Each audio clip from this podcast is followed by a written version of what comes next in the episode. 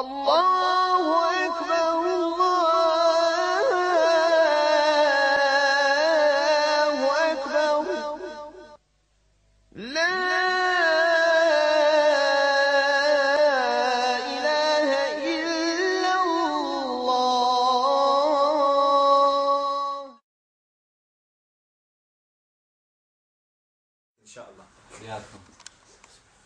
salatu wassalamu ala rasulillahi sallallahu alaihi wasallam.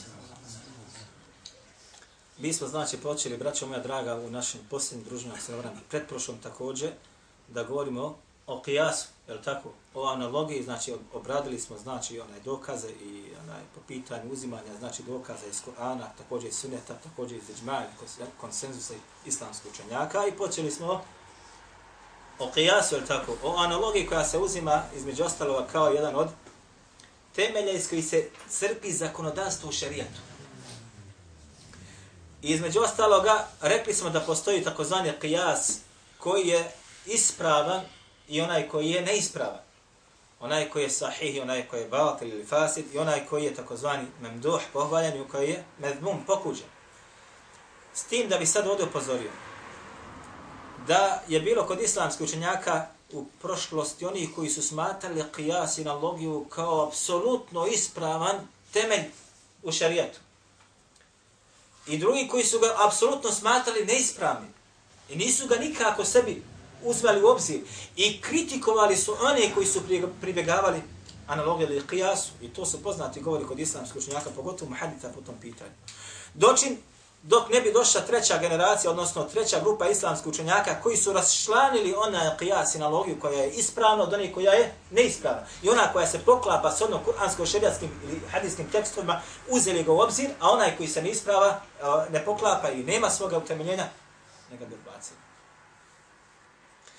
I sjećate se da smo govorili da je Selef govorio o opasnostima takozvanog hijasa ili analogije ili predavanja pažnje svome mišljenju i uz izlačenju propisa u šarijatu shodno tvome razumu.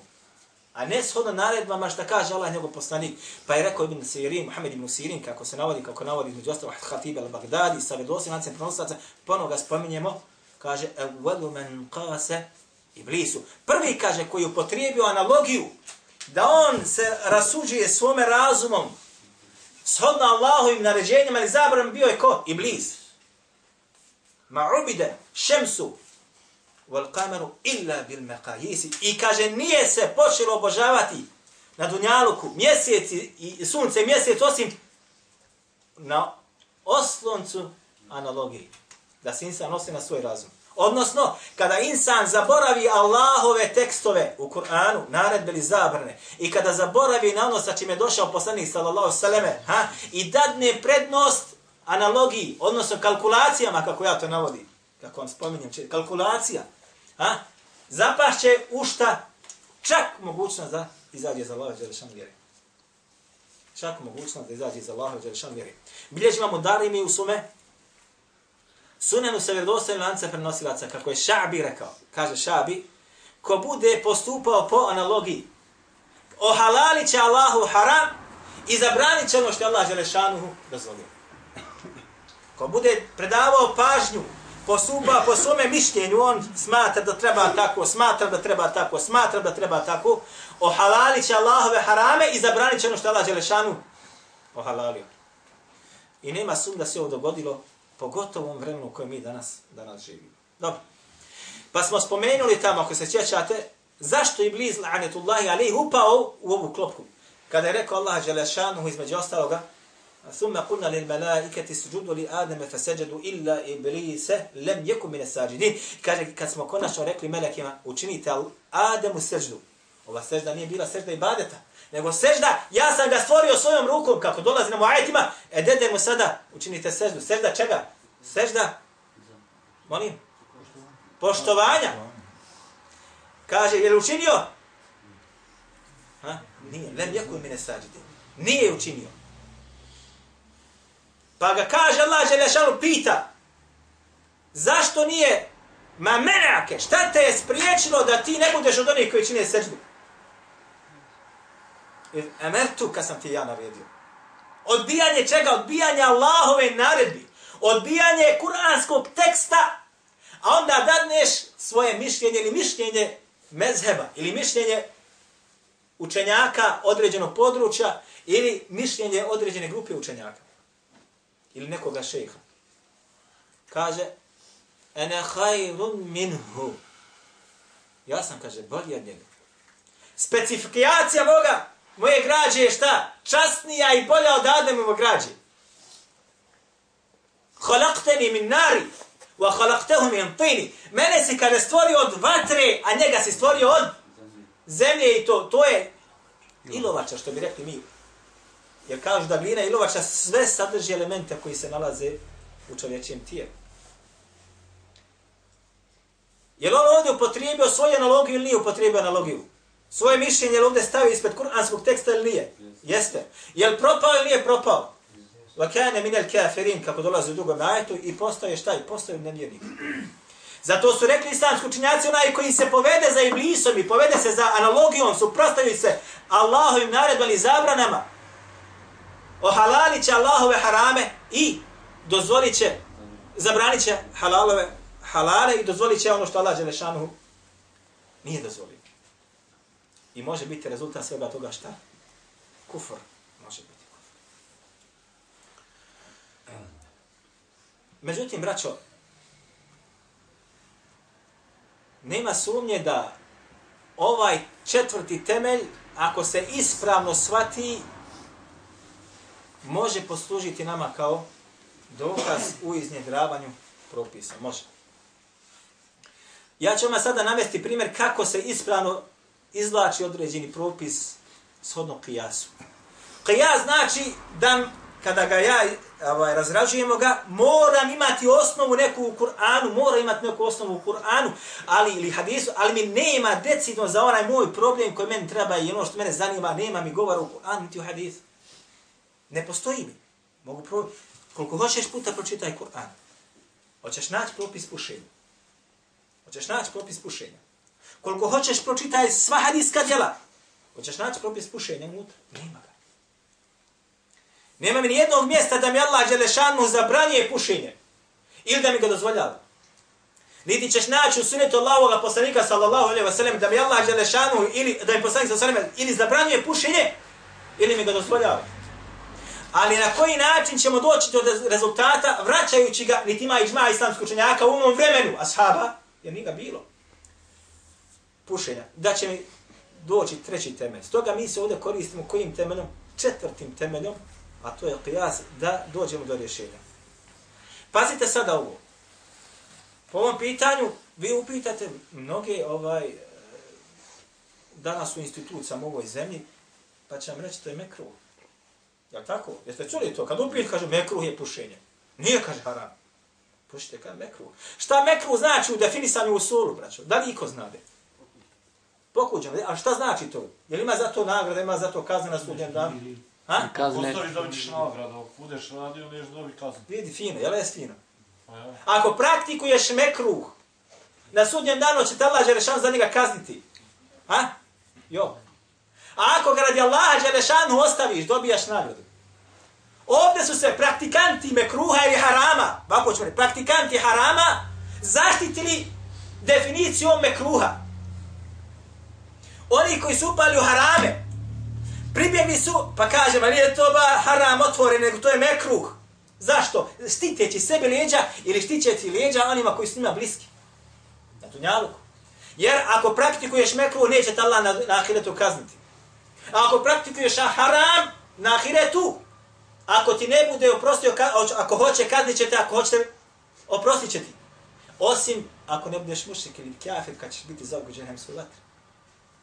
Došli mekruh, jok, tebe zagarantovano te Allah neće kazniti. Stoga, kaže, pušenje mekruh. Bio sam prisutan jedan puta, neka davno, kada jedan magistar šerijatskog prava upitan o propisu pušenja u jednoj džamija.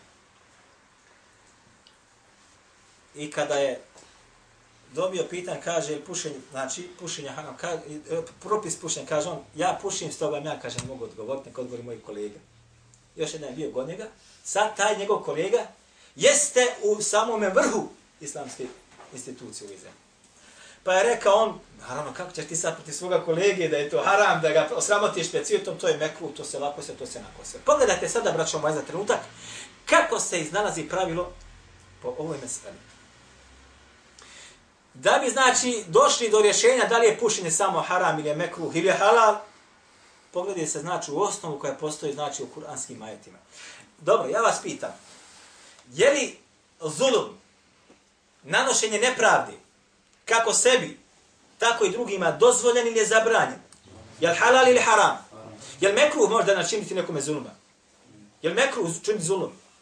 Bit nasilnik i nekom čini zulum, je li to meko ili haram? Da otmeš čovjeku sada dulum zemlji koja, koja je pored tebe i ti dođeš kočić, on ne primesli tamo za jedan dulum, je li to mekruh ili to haram? Haram. Na, znači, dolazi nam tekst koji ne spominjem ogromno u Kur'anu, da činjenje zuluma jeste zabranjen čin. Odnosno, čak da može da bude inne, šur, inne širke.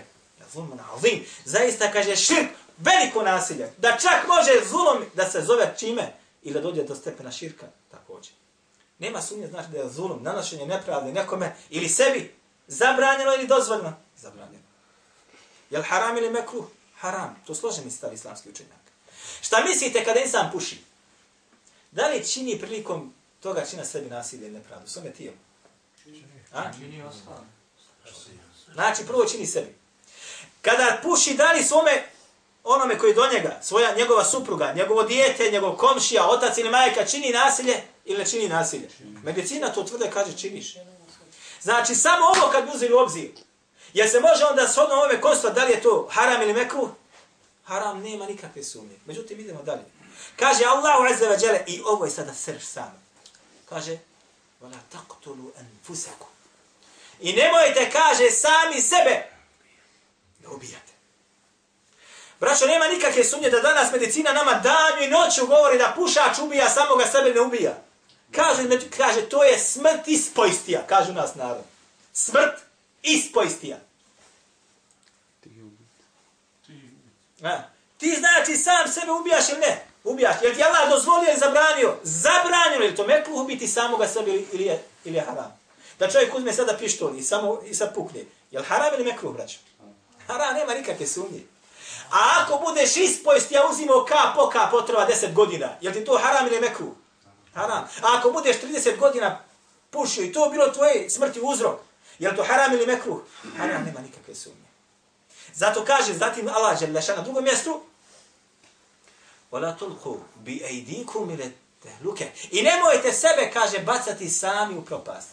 Sam sebe da bacaš u propast. Šta znači bacati sam sebe u propast? Braćo, vi dobro znate, pošto je kutija cigara danas? Obična kutija cigara, koliko? Tri, Tri marke. 30 dana, ako pustiš po jednu kutiju, a ima i po dvije, 90 km-ova ti danas u mjesecu ti baciš, zatvariš. Za godinu dana ta je cifra preko 1000 maraka. Za 10 godina je to preko 10.000 maraka. 40 godina tvoga života u pušenju, to ti je pohrom preko koliko? Preko preko 40.000 maraka ti si bacio u propast. Allah dželle šanu kaže vala tolku bejdukum vala tolku bejdukum tehluke nemojte sami sebe bacati u propast. Živiš ko postanar 40 godina si pušio, za 40 godina si mogu napraviti sebi kuću da si šparao. 40 godina tvoja djeca nisu se liječila, nisu se škovala zato što si ti morao da platiš za onu kutiju cigareta ili dvije, a za 40 godina si šparao, mogao si da ih školuješ na, za te pare. Jel bacanje samoga sebe u propast nije? Bacanje samoga propast. Dobro. I ima sad treća stvar. Kaže se između ostalo, kako kaže Allah poslani sa osalema, kullu muskirin haramu. Ovaj rivaj bliži imam Buhari, bliži imam Muslim sumnja sahima, kaže, kullu muskirin haramu. Sve što opija ljudski razum je zabranjeno i haramu. Učinjeno. Ovo je jasan šerijatski tekst u hadithu da sve što opija ljudski razum biva haramom, biva haramom, mekluhom ili haramom, haramom. Da li duhan može insana opiti? Da ti tvoj razum zamrači malo. Prvi puta ako god je zapalio, ovo mu se dogodilo. Cigaretu prvi puta kad je neko počeo da puši, dogodilo mi se da je malo počelo da, da ga manta. Zašto? Jer je muskir opija insanu, odnosno manta insana. Zato je. Molim? Ne samo, to je, vraćamo se poslije. Znači, muskir jeste ono što insanu manta mu se. Da li u maloj količini, da li u velikoj. Kaže Allah, kul, svaki muskir je haram. Habila kašikica, habila litra. Habila jedna cigara, habila šteka, habio jedan duhan, dim, habilo da čita život to radiš. Postaje ti haram, postaje ti haram. I zatim, ova vamo što je brat spomenuo, postane insan ovisan od toga. Postaneš ovisnik o opakoj i ružnoj stvari. Kako nakon toga da insan kaže to je mekruh? Dakle, vidite kako se znači shodno osnovama koje postoji u šerijatu, dođe se do propisa kako treba da se... Zatim,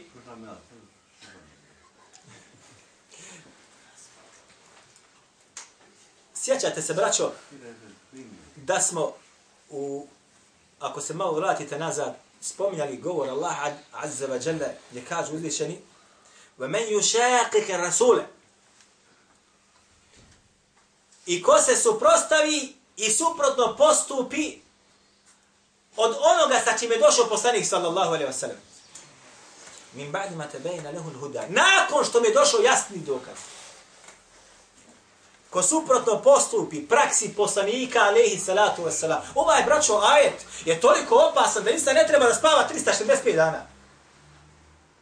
Ko suprotno postupi onome sa čime je došao Allah poslanik sallallahu alaihi wa sallam.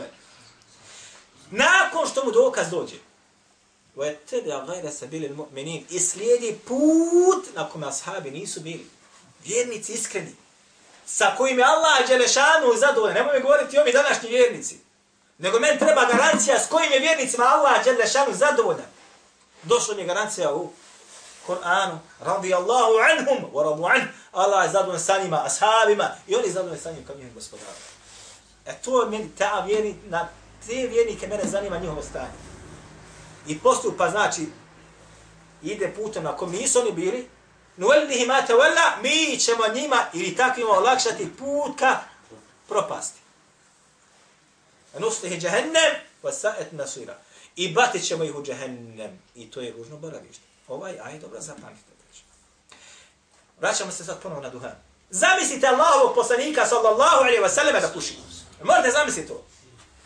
Insan koji je došao sa najčistijim stvarima na Dunjaluku, koji je upražnjavao svaku moguću fitru koja je postojala i podučio umet kako da se čisti od male nužde, da bude od onih koji puše. Hm? A kaže, kullu muskirin haramu, sve što opija je zabranjeno, haramom učinjeno. Zamislite. Nema sumnje i sad dođe neko i suprotno postupa ono sa čime je došao poslanik sallallahu alaihi ve selleme i ti mu pojasni kada joj, pa ima mi onaj koji sve neko. Zamislite ashabe da domanaju, hodaju ulicom i domanaju. Jedno, za jednog, znam jednog hođu, neće reći imam, Allah i braše neće reći imam. Za njih ne kažem da su imami. Imami su oni koji prodaju umet kako treba. Subhanallah i ladim, kad ide od kuće do džamije, ko čiro što kažu na, na, na glak, iza njega se dimi. Allah mi je svjedok. Od kuće ka džami, dumana se iza njega. Zamislite, a on je onaj koji dođe u mihrab, ljude prodaju u mihrab, i, i onaj, a poslanik sallallahu sallam, niti on bio od toga, niti su ashabi bili od toga.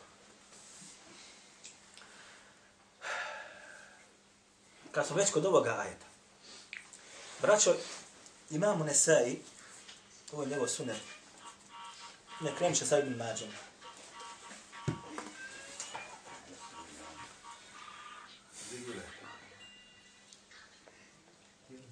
Ibn Mađe, braćo, svoj sunen i ovo je njegova izrazitost i bogatstvo ovog sunena.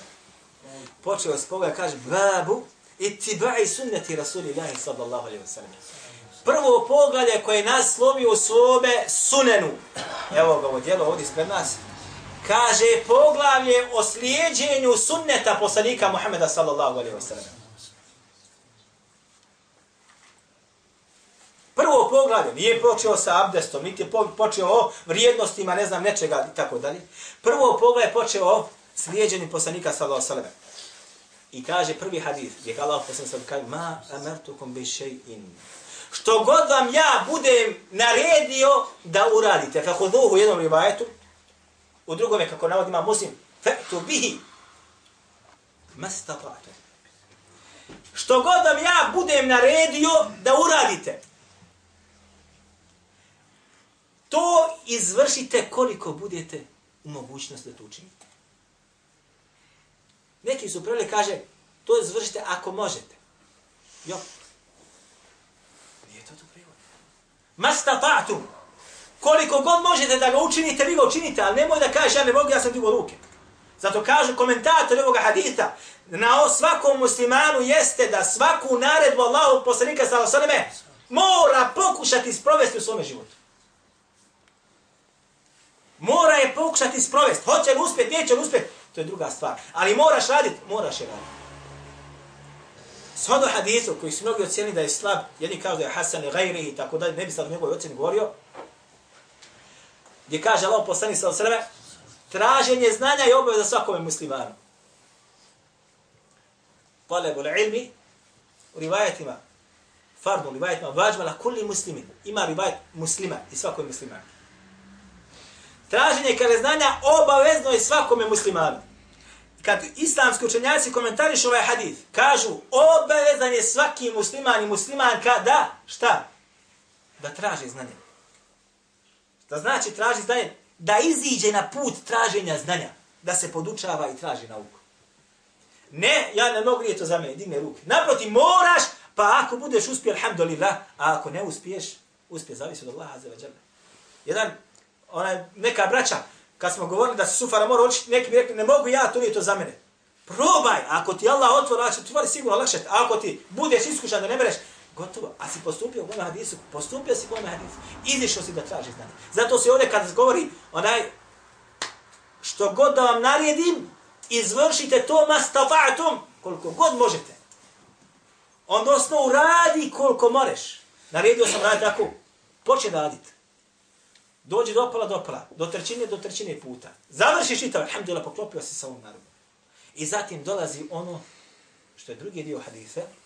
Zatim kaže, a ono što sam zabranio, fantehu, odmah sa tim prestanite. Odmah sa tim prestanite. Ovaj hadis, između ostaloga, braćo, je okosnica od hadisa koji se vežu za pokornost poslaniku, sallallahu alaihi sallam, ili slijedjenju sunnita Allaha poslanika, sallallahu alaihi da moraš da izvršiš najmanji sunnet kojeg je on donio i zapisan u hadijskim djelima. Moraš krenuti tim stopama. Hoće se ispuniti da ga ti potpunosti u potpuni u svome živote neće, to je druga stvar. Ali moraš ga pokušati sprovjeti, moraš. Masta koliko god moraš, dani svu snagu u to. Nije ti ga naredio Allah poslanik ovdje da mora da se na glavu okreniš. A jo. Ali ti kad se tiče o zabranama, kaže, odmah straše, tentehu, odmah to ostavljaj. Nema šta da vršiš kalkulacije, hoću, neću. Odmah moraš da prekneš sa, sa tim činom.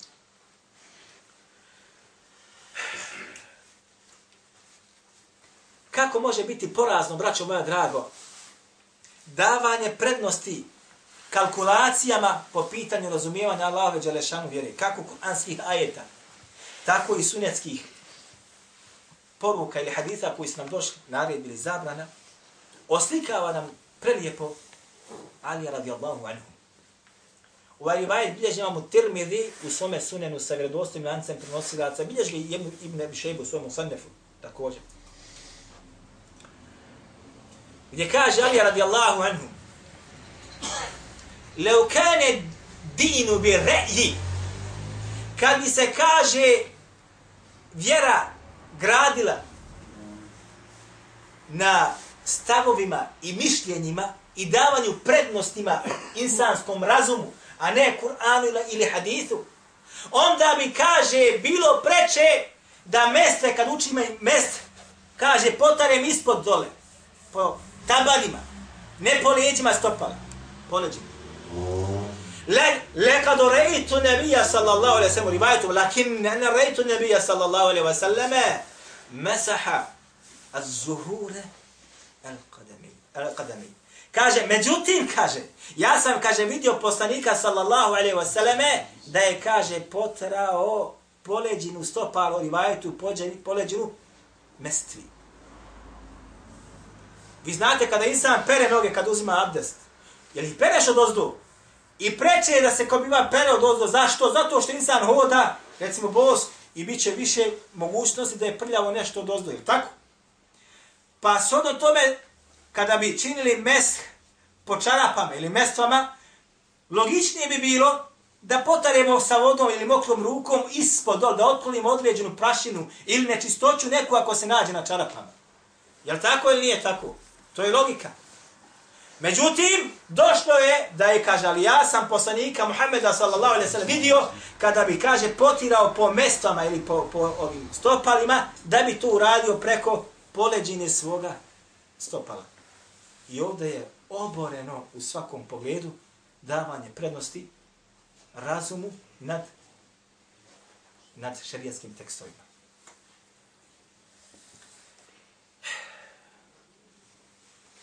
Dobro. Imamo Nesaj, a Ibn, Ibn Mađu, na, također odmah u trećem dole rivajetu, oslikava nama stanje u kojem su bili ashabi, ridvanullahi alaihi. Pa nam navodi stanje Abdullaha ibn Omera. Zato nije džaba on počeo ovo poglavlje sa ovim naslovom. Niti je stavio u njega nekoliko haditha, niti ovaj, tek tako ili bez određene koristi za onoga koji bude došao nakon njega čitao.